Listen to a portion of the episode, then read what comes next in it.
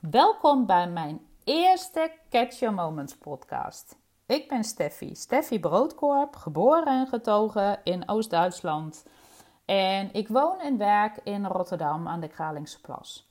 En met een serie podcasts wil ik graag wat inspiratie brengen en hier en daar een zetje geven tot nadenken over jezelf, je leven, waar je staat en hoe de weg die nog voor je ligt eruit zou kunnen zien. Mijn inspiratie heb ik opgedaan tijdens een pelgrimstocht naar Santiago de Compostela. Die ik zonder een trigger in mijn leven nooit had gelopen, maar die achteraf de beste reis was die ik ooit heb gedaan. Wat of wie de trigger was, vertel ik jullie in de volgende aflevering. Maar nu neem ik jullie eerst mee naar het begin van mijn avontuur, waar het zaadje van Catch Your Moments is geplant. Daar sta je dan, op het vliegveld van Porto. Alleen. Met je hele hebben en houden voor de komende weken in je rugzak die toch zwaarder is dan verwacht. En je wandelschoenen aan die je beste maatje zouden moeten zijn op weg naar Santiago de Compostela. Toen wist ik nog niet dat ik mijn wandelschoenen, mijn beste maatjes, midden in de nacht in een hostel zou achterlaten omdat ik ze had ingeruild voor nog minder aantrekkelijke wandelsandalen. Toen wist ik ook nog niet dat mijn reis heel anders zou verlopen als verwacht. Eigenlijk wist ik op dat moment in Porto nog niets van wat mij de komende weken te wachten stond. Ik stap uit de hal van Airport op Porto. Het is 21 mei rond 8 uur in de ochtend. Er is al heel wat bedrijvigheid op straat en de Portugese zon warmt mijn huid op als ik op zoek ga naar bus 601, die mij in 40 minuten naar het historische centrum van Porto zal brengen. Even kijken of ik nog meer rugzakmensen zie. Want dat kunnen zomaar pelgrims zijn die net als ik vandaag of morgen de eerste voetstappen naar Santiago zullen zetten. Ik spot bij de bushalte twee vrouwen. Een in een rolstoel met rugzak en een Jacobschelp. En een vriendin die zorgt dat alle bagage op de juiste manier bevestigd is aan de rolstoel. Hé, hey, een Jacobschelp. Dat is, het, dat is het symbool van een pelgrim. En ik kreeg heel even het gevoel dat wij één team zijn. Respectvol knik ik en steek mijn hand op als teken van: ik ga dezelfde weg afleggen als jullie. Ze knikken terug en samen stappen wij een bus 601. Voor de eerste nacht heb ik een kamer geboekt in een oud Portugees guesthuis, waarin ik mij mentaal zou voorbereiden op mijn eerste Camino. Maar niet voordat ik in de oude bibliotheek Jello heb gezien waar J.K. Rowling inspiratie voor haar bewegende trappen in de Harry Potter verhalen heeft opgedaan. Voordat ik wandelstokken heb gekocht, want je, je weet maar nooit hoe de reis zou verlopen. En niet voordat ik in een van de leuke visrestaurantjes in Matosinos vis van de barbecue heb gegeten. Als ik later op de Camino aan pelgrims vertel wat ik in Porto heb gezien en gedaan, en zij vragen hoeveel dagen ik daar wel niet ben geweest, is dat wel weer heel typerend voor mij. Ik wil altijd heel veel in een relatief korte tijd. Zelf noem ik het het maximale eruit halen. Anderen zien het als een race tegen de klok. Het lukt me altijd wel en ik geniet intens. Dus ik denk daar maar niet verder over na of dat een van mijn goede of minder goede eigenschappen is. In verhalen over de Camino heb ik gelezen dat iedereen, ja echt iedereen, je continu op weg naar Santiago Bon Camino wenst. En je hoort het ook terug te zeggen, ook als het geen pelgrim is. En toch bekruipt me het gevoel dat ze in Porto in mei voor het eerst in levende lijven een pelgrim zien. Als ik naar de blikken kijk terwijl ik in de lange rij sta met mijn rugzak en mijn Jacobschelp om de voetsporen van J.K. Rowling in de oude bibliotheek te vinden. Maakt niet uit. Ik blijf gewoon staan en ik kijk naar de muzikant die op de hoek zit met een draaiorgel uit het jaar nul en voor het sfeertje twee kleine sierkippetjes om zich heen laat scharrelen. Ik ben gewoon in Porto. De zon schijnt. Ik heb een paar weken voor de boeg. Heerlijk.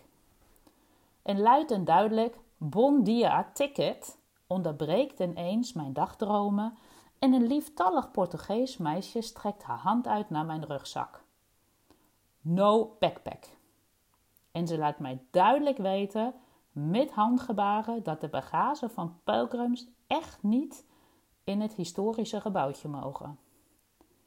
Aha, blijkbaar hadden alle anderen wel ergens een bordje gelezen dat de rugzakmensen zich eerst moeten ontdoen van hun pelgrims overlevingspakket en hebben zich netjes met kleine keurige tasjes in de rij gevoegd. Ticket, shop, oké? En ik begrijp dat je dus zonder rugzak eerst een ticket in het winkeltje naast Jello moet kopen en dan in de, terug in de rij moet komen staan. Oké, dan eerst maar even naar Guesthouse Portofino. Ik vraag Google Maps naar het adres en zonder te zeuren vervolg ik 1,2 kilometer mijn weg naar mijn eerste slaapplek op deze reis. Nog één nacht alleen, met een eigen badkamer, zonder gesnurk, zonder stinkende pelgrims om me heen. Dat is het beeld wat ik heb als ik alle Camino-verhalen mag geloven. Ik moet eerlijk bekennen dat ik me wel heb ingelezen, maar echt goed voorbereid op welke herbergen wel en niet geschikt zijn en welke wegen mooi, zwaar of niet te doen zijn. Het boeit me niet. Ik zie het wel en het zal wel goed komen. En trouwens, de waarnemingen van anderen kan een heel andere zijn dan de mijne. Het is mijn reis, mijn camino en ik ga op onbekend avontuur. Achteraf gezien is dit een hele goede keus geweest op één moment na, op dag 5 op de Camino op een zondagmiddag. Toen had ik er beter aan gedaan om een reisboekje te lezen en het zweet staat me nu weer op mijn voorhoofd als ik eraan terugdenk. Maar goed, dat leg ik later wel uit, maar het was een weg uit de hel. Mijn backpack staat inmiddels achter de receptie in mijn guesthouse met een glaasje water en een kaart van de stad en tips van Marcie-locaties vertrek ik weer naar de stad met een klein keurig tasje. Ticket kopen, in de rij staan en naar binnen bij Jello, wat echt de moeite waard is. En daarna de gezellige straatjes doorlopen in de middagzon. Mijn camera heb ik vanwege het gewicht thuis gelaten en mijn iPhone zorgt ervoor dat ik de mooie momenten en locaties voor altijd gevangen heb in mijn 64G geheugen.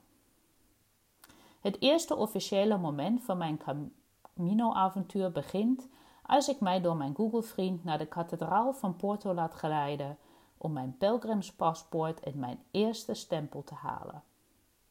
Door kronkelende straatjes bergop bereik ik het statige gebouw met een prachtig uitzicht over Porto. De klokken luiden en een trompetspeler haakt in om de melodie af te maken als ik de ingang bereik. Voor de deur staat de pelgrim in de rolstoel en haar vriendin. En uit de ingang komt een rugzakvrouw met een Jacobschelp en met haar pelgrimspaspoort in haar hand. Wij glimlachen naar elkaar, maar niemand zegt één woord.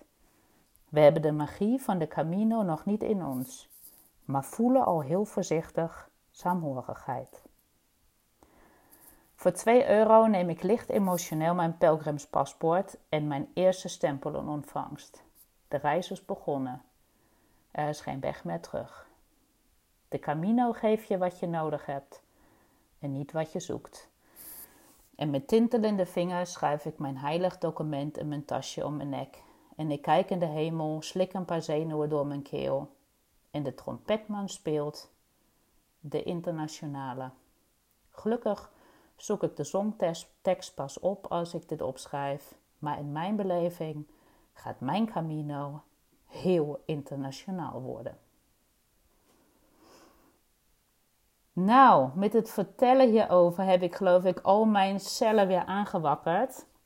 Want ik voel nu ook weer lichte emotie opkomen, wat uh, nog meer vertelt over uh, het avontuur wat ik ben aangegaan. Um, als jullie willen weten wat mijn trigger was om aan dit avontuur te beginnen en hoe mijn reis verder gaat, zijn jullie van harte welkom om mij te volgen. Tot die tijd heb ik een vraag aan jou. Welke opmerking of vraag in je leven is voor jou een trigger geweest om iets te doen wat je anders nooit had gedaan?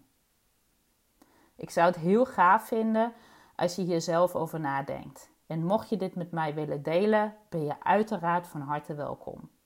Jullie reacties en feedback ontvang ik sowieso heel graag, want op deze manier kan ik ook steeds relevante content met jullie delen.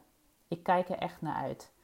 Jullie vinden op catchyourmoments.com, Facebook en Instagram meer inspiratie, informatie en mijn contactgegevens. Bedankt voor het luisteren en graag tot de volgende keer. Dikke knuffel, Steffi.